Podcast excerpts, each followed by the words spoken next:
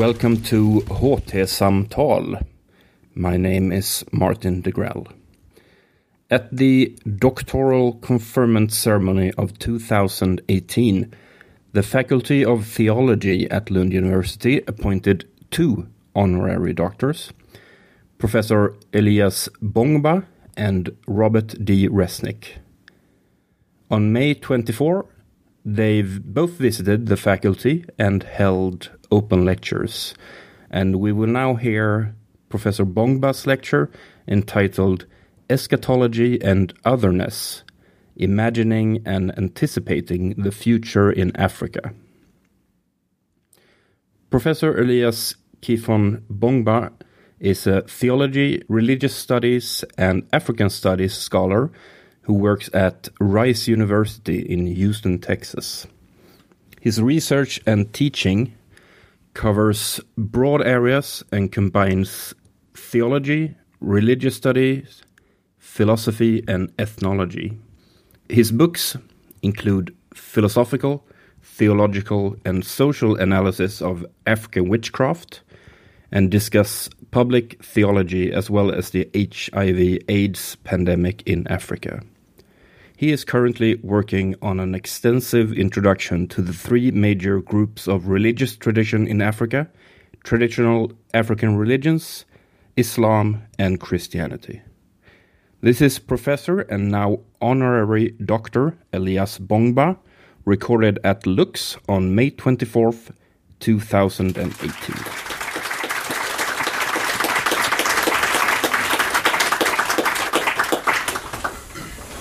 Uh, so, what I want to focus on in the short time we have ahead is eschatology and otherness.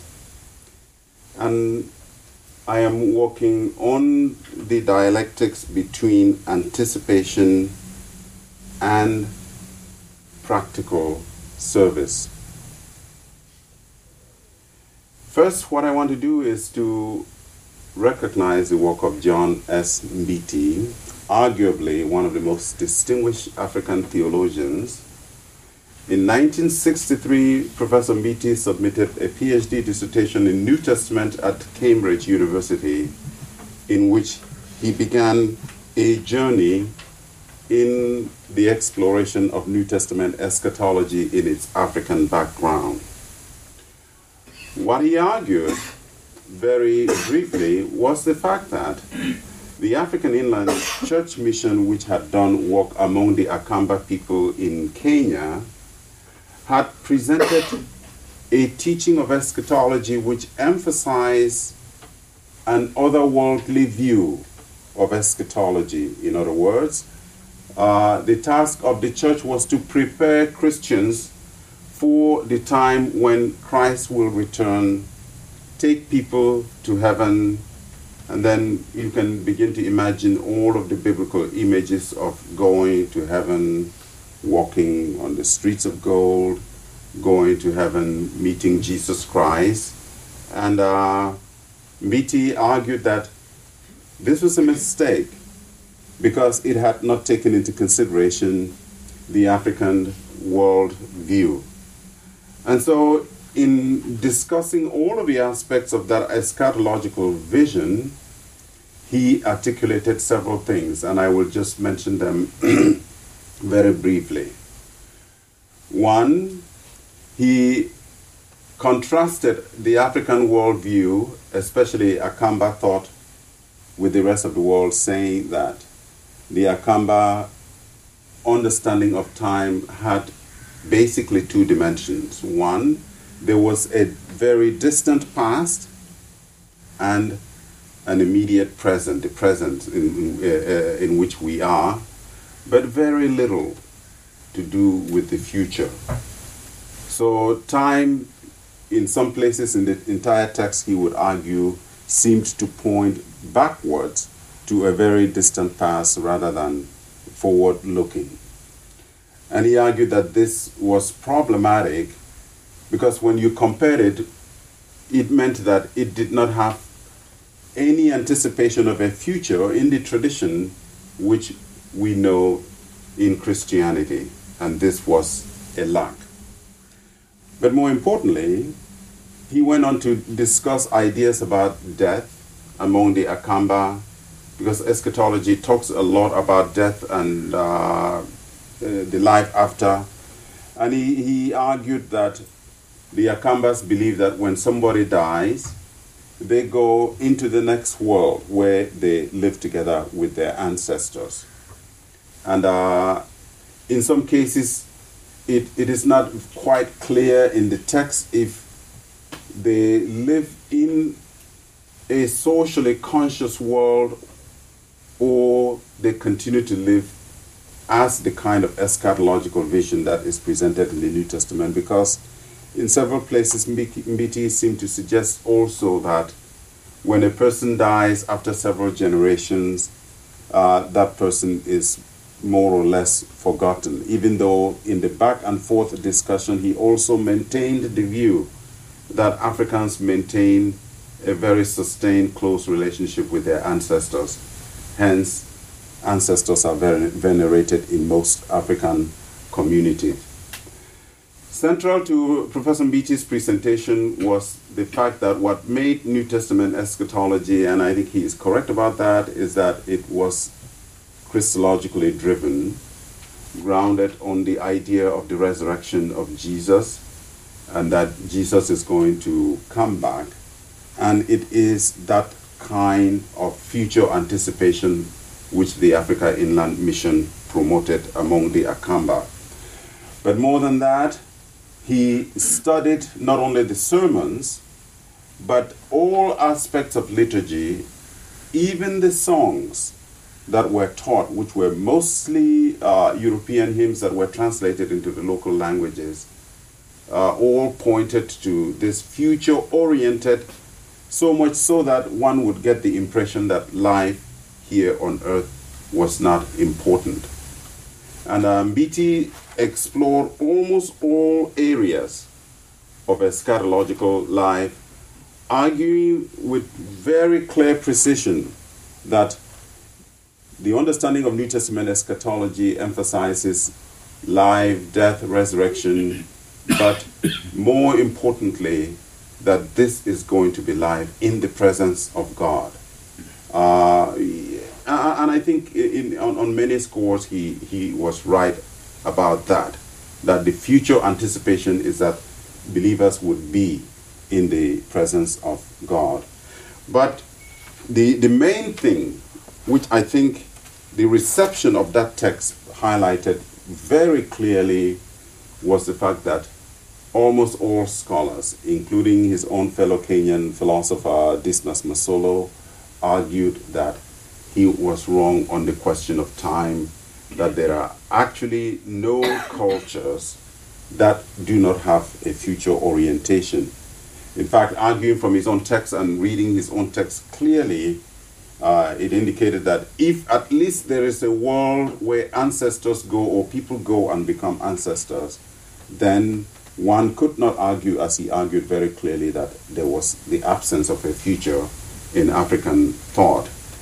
Uh, V.Y. Mudimbe uh, uh, placed uh, work in the category of uh, African scholars, mostly theolo- theologians at that time, uh, following the work of Placide Tempels, the Belgian missionary, who were using ethnology at that time to be able to understand not only the Christian message, but to find some points of convergence. And Mbiti, he argued, was uh, one of the most successful, even if one disagreed with some of his observations on time.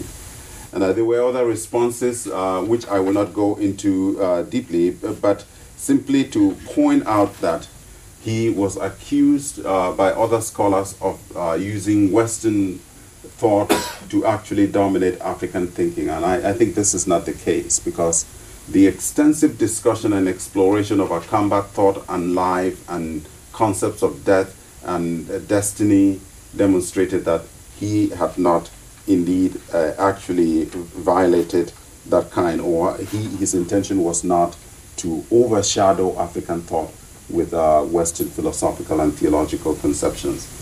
If anything, I think uh, one may quarrel with the kind of eschatological imagination which um, demonstrated, but there is absolutely no doubt that uh, he tried as hard as he could to balance New Testament teaching. And the reason is that this PhD uh, at Cambridge was written in the faculty of New Testament, and uh, he was aware of all of the major scholarship at that time and tried then to forge a new uh, thought experiment bringing together African ideas and theological ideas.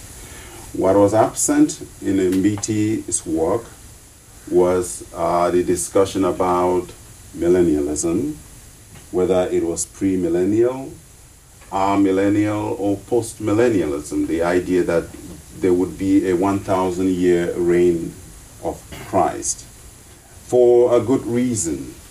I think after the speculative eschatologies of the late 1940s, especially the ones that blossomed after the re-establishment of the present state of Israel, uh, it seemed as millennialism had run its course. The only places where it uh, remained was uh, in places like Dallas Theological Seminary in uh, Texas and many other conservative evangelical schools where there was very intense speculation. When will Jesus rule in Jerusalem for a thousand years? Does he come before that, or is it after that, or the more extreme uh, wing of that discussion was there is going to be no millennial rule, no no millennium. Um, Mbiti did not engage in that, and I think uh, that was an appropriate move because the discussion in eschatology was already changing. Uh, Wolfhart Pannenberg in Germany, as uh, well as Jürgen Moltmann, were already writing. In fact, Moltmann would distinguish himself as probably one of the premier uh, theologians on eschatology, always pointing to what both he and Pannenberg would describe as a future orientation. And that future orientation could not be shrouded by the kind of uh, speculative theology which millennialism had come to dominate in the evangelical world. And so Mbiti uh, had escaped that. My views about eschatology would later be shaped when I enrolled at North American Baptist Seminary, studying with a very young evangelical theologian at that time, Stanley Grenz, who himself was a stu- student of Wolfhart Pannenberg, did his PhD under him in Germany at the University of Munich. And I, it was very clear in his systematic theology that speculative ideas about the second coming was not really the major thing.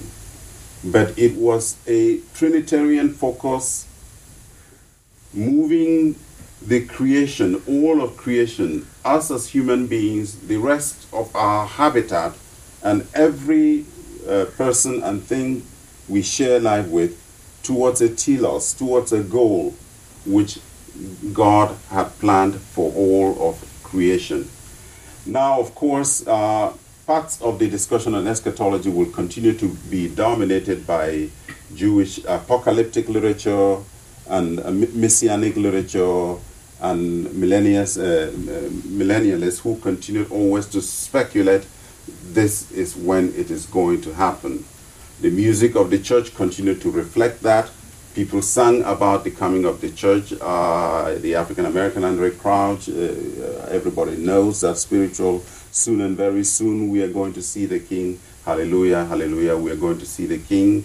Then in, I think it was in the late 70s, uh, uh, it, it was Bill Gaither who wrote The King is Coming. The marketplace is empty, busy housewives cease their labors, and all of that eschatology had not gone away, except that it had returned this time with very many different sections. But I would think that the main uh, trend of thought was the kind of argument that was being articulated by people like Moltmann, Pannenberg, who were clearly not only looking for some escapist ideology or anticipating that Christ is coming to whisk away only Christians and Christians alone to some place where they will be together, but we had to look at it as a future broad orientation in which God will continue to bring about the fulfillment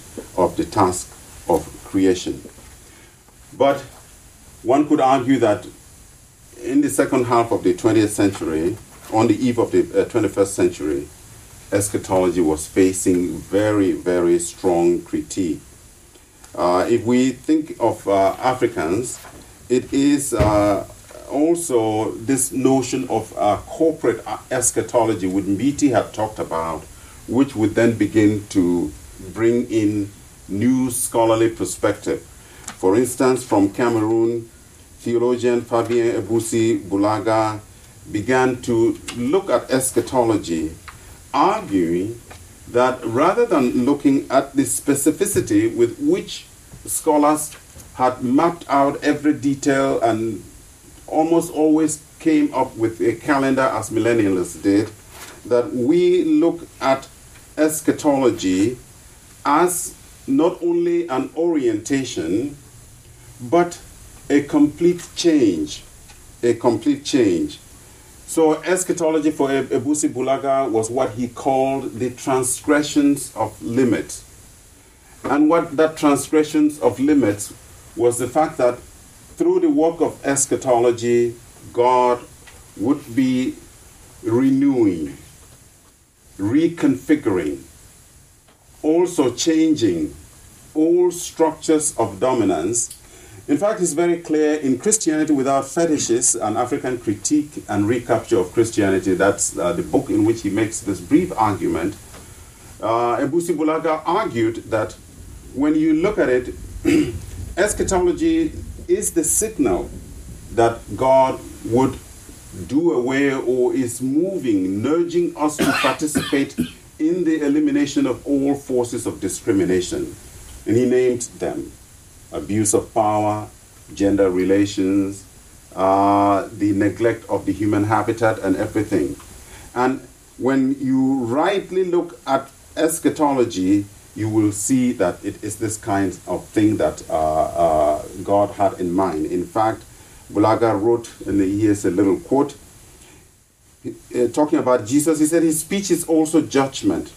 It pronounces, expresses a set of transformations, a complexes of effects to be produced in the area of behavior and attitude and institutions.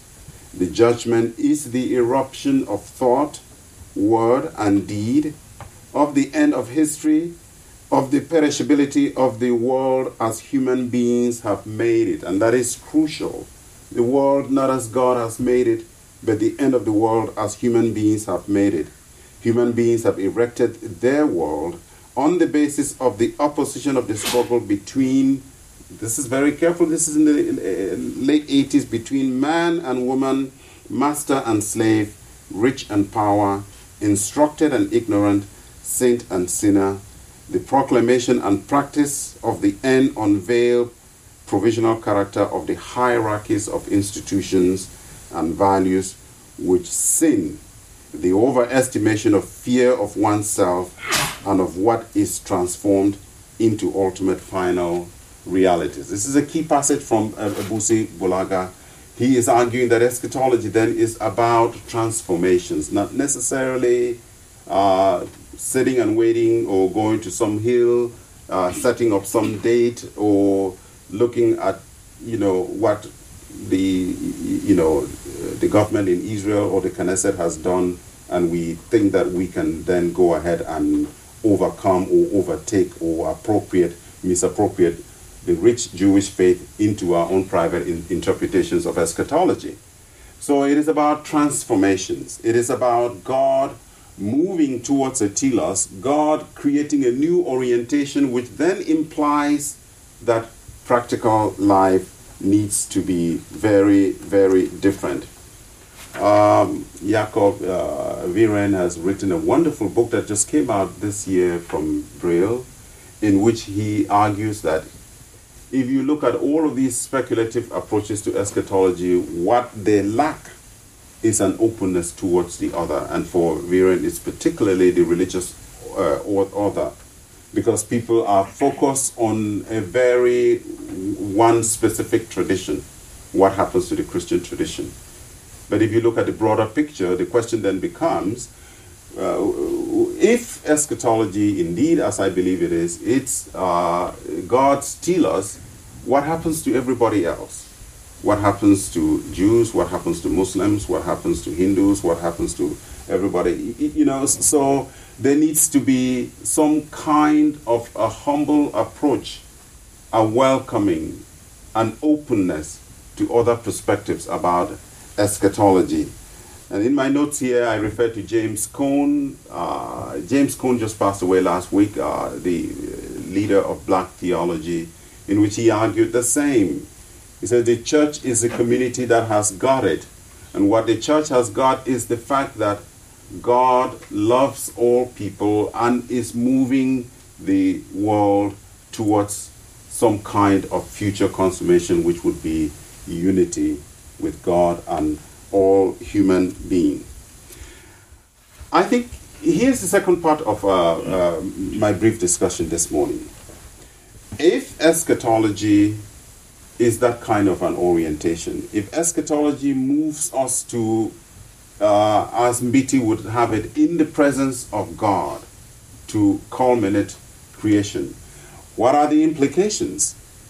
I think the implications are numerous. Uh, you can pick any New Testament teaching, you are going to find something with which we can agree or disagree, or we can write books and write theses, and uh, you know maybe we'll each claim we are right. But there are a number of teachings in what New Testament scholars often call the eschatological discourse, in which Jesus is talking about these things. Jesus is very clear that he did not know the time when he would come. He didn't know the end time. It was only known to the Father, meaning God. But Jesus is very programmatic. He leaves the disciples, there are three parables that he tells. All of those parables talk about a very active engagement. I mean, one of them is even about money. Somebody is given money to go and trade. One of them actually buries the money and doesn't do anything with it. When he returns, uh, you, you, know, the master tells him, "You, you should have invested my money." I, so, uh, I, I mean, I don't want to say there's something Christian about the stock market or all of that, but but you get the point that even from Jesus' perspective, eschatology means an active engagement in the world. But the what New Testament scholars often call the pericope, the teaching, the text that is becomes very central, begins in Matthew chapter 24, verse 31, where Jesus begins to talk about when all the nations will be gathered and he will pass judgment. Separate people, you go to the left, you go to the right, to the right, come and enjoy the kingdom of my Father. You are condemned into eternal fire and the question is, why, why, why, why? And Jesus says, Look, I was hungry and ye fed me. I was sick and you took care of me. I was in prison and you took care of me. I think if you go back to either James Cone or Fabien Busi-Bulaga, it is very clear then that the central question our eschatology would not even really be if you believed or if one believed. Jesus doesn't quite focus on that. But Jesus is concerned about the individual and social relationships that we build because those then become the basis for making important distinctions towards the end. Now, I want you to suspend that. We'll come back to that in a minute. Then for me, one of the most important passages on the New Testament uh, actually comes from the letter to the Thessalonians by Paul, where Paul sets out what seems to be like the order of business.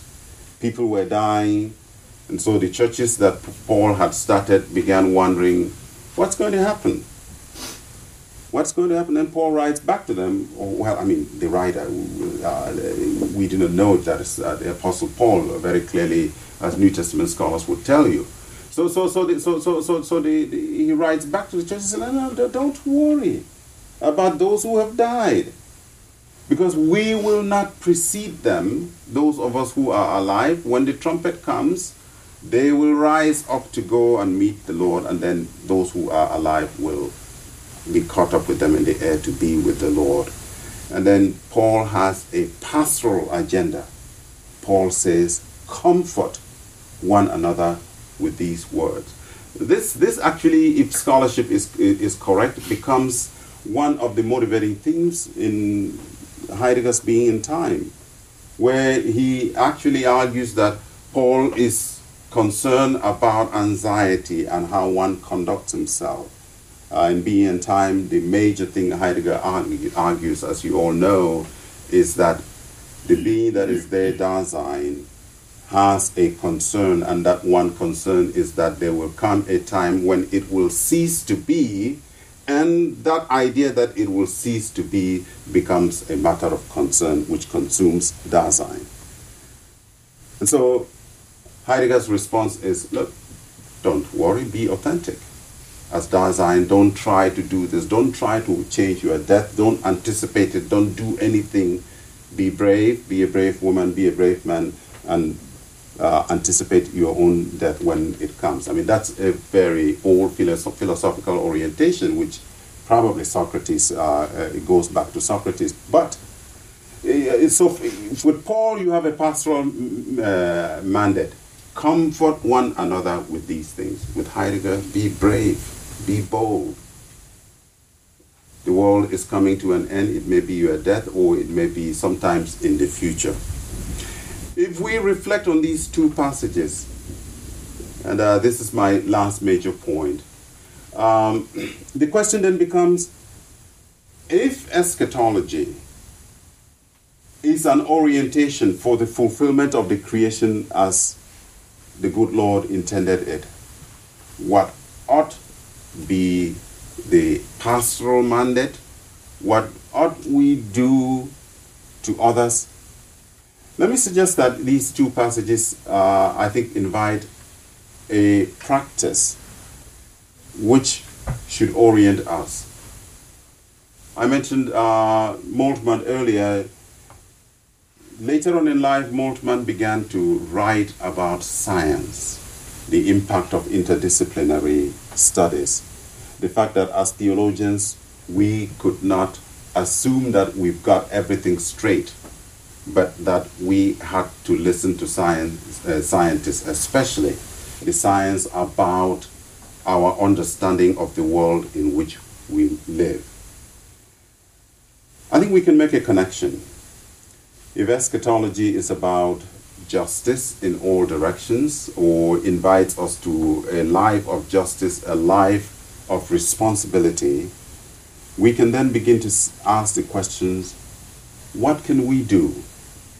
Elsewhere, I think I have tried to argue that it invites a diaconia or a life of service which moves those who are part of the Christian tradition to a new sense of advocacy, a new sense of activism. Uh, let, let, let me put two proposals on the table. The first one is rather obvious. In his first encyclical, the Holy Father called the world in Laudato Si to take care of the planet. It is our gift. God has given this planet, this world for us to manage. Uh, I mean, I know uh, I expect you are probably coffee to tell me, don't you come from a place where some politicians believe that climate change is a hoax? Uh, yes, some people believe that. But I think in that first encyclical by the Holy Father, Pope Francis, he made it very clear. He did not only address Catholics, probably one of the best written encyclical in which he invites all of us to a responsibility. Because if you think of it, if eschatology is an orientation and God has created us and given us the knowledge, the ability, the tools, the responsibility to engage in our world. And we do not know where that final gathering place would be. Doesn't it make sense that we take climate change seriously and that we do everything to make our habitat livable rather than escape from the world, destroy it, and trash it in anticipation that soon and very soon we're going to see the King or God is coming to whisk us out of this world. I think my Baptist friends think I'm out of my mind because, uh, you know, then I ask the question, really? Um, there are several billion Hindus or Sikhs and Muslims in the world. God is going to watch them take me and watch them roast in hell. I don't know the answer, but, but, but I think we have the responsibility to make this world a better place, which means we can do a lot of things. As people who are men and women of faith, we have a responsibility to the habitat which we all share together to be sure that we preserve it. Secondly, I made this argument sometimes in Zambia, they almost ran me out of town. And uh, remember that passage in Matthew where Jesus says, I was hungry and ye did not, you did not feed me when he says he will be sending some people away? Here's the question. If you lived, grew up in the 70s, the big thing in the news about Africa was desertification. The Sahara was going down. The Kalahari is a live desert, the Namib Desert, and you know, resources are shrinking. So, how are you going to practice uh, diaconia and provide food for the many, many people? If we go back to Moltmann again and think about the impact of science, the impact of what we can do with the capabilities that we have now. And here's why they wanted to run me out of town at this talk I gave. I argued that for those of us in Africa who really have millions to feed, and if the church is going to fulfill its mission, couldn't we be a little bit more creative? to make sure that we can guarantee food security and that when the crisis hits, it is not only trucked from somewhere or flown from somewhere, but that the kinds of agriculture, the kinds of uh, practice industries that we encourage help us feed ourselves and feed others.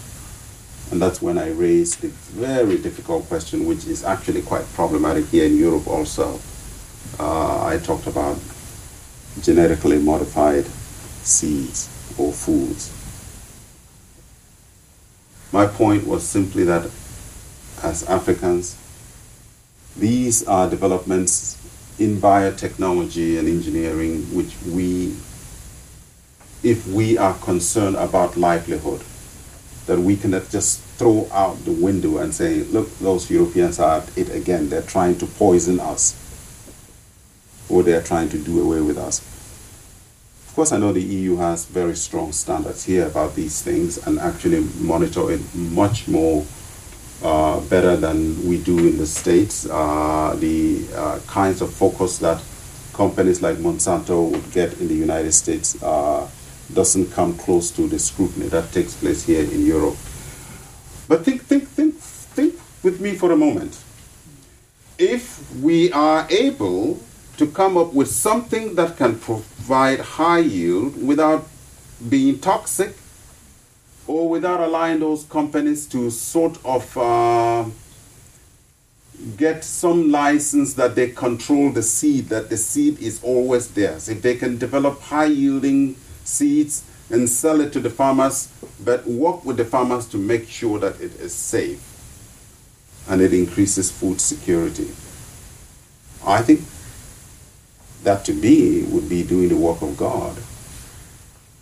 The work of God does not only mean saving souls and making sure that everybody has t- checked the line I have believed in Jesus and so I am saved. I think the work of God means being able to engage in the appropriate use of these resources which make life livable for everybody, which then assures us that as we anticipate what God is doing, the future that God is bringing, that we are doing our part in moving. I, I mean, I know this last proposal is, I, it's, it's always a shock when I talk it, uh, with people, but, but uh, let me ask one question. When you go to the pharmacy or the doctor and the doctor writes a prescription, something was modified somewhere before it became the pill that you are taking. Uh, is it possible that those men and women who are working on new strategies to find these high yielding seeds are onto something which could actually make our human habitat much better. So it seems to me that yes, the church cannot escape its eschatological vision, but that vision is not always in the score keeping, watching dates, speculating about streets of gold, determining who gets to live with God and who does not, or determining which religion has it right or who has it right. But it is an anticipation that creation is moving according to God's will, and we are all invited to be participant in this kind of movement. And it is a movement from our perspective that should issue injustice for all. But to make that justice for all possible, we have to actively engage our communities with our thoughts, our ideas, our minds, our inventions, so that we can be able to, one, protect the environment, number two, make sure that if indeed, mm, let me be as Baptist as I can at this point, if indeed we do meet our Lord, we can say, yes, no child went to bed hungry. Thank you very much. And uh, I really, Fadil and I are really very thankful for your hospitality and for the honor. Uh, Dean, I think that this is an invitation for me to work harder, and I promise you that I will do that. Thank you very much.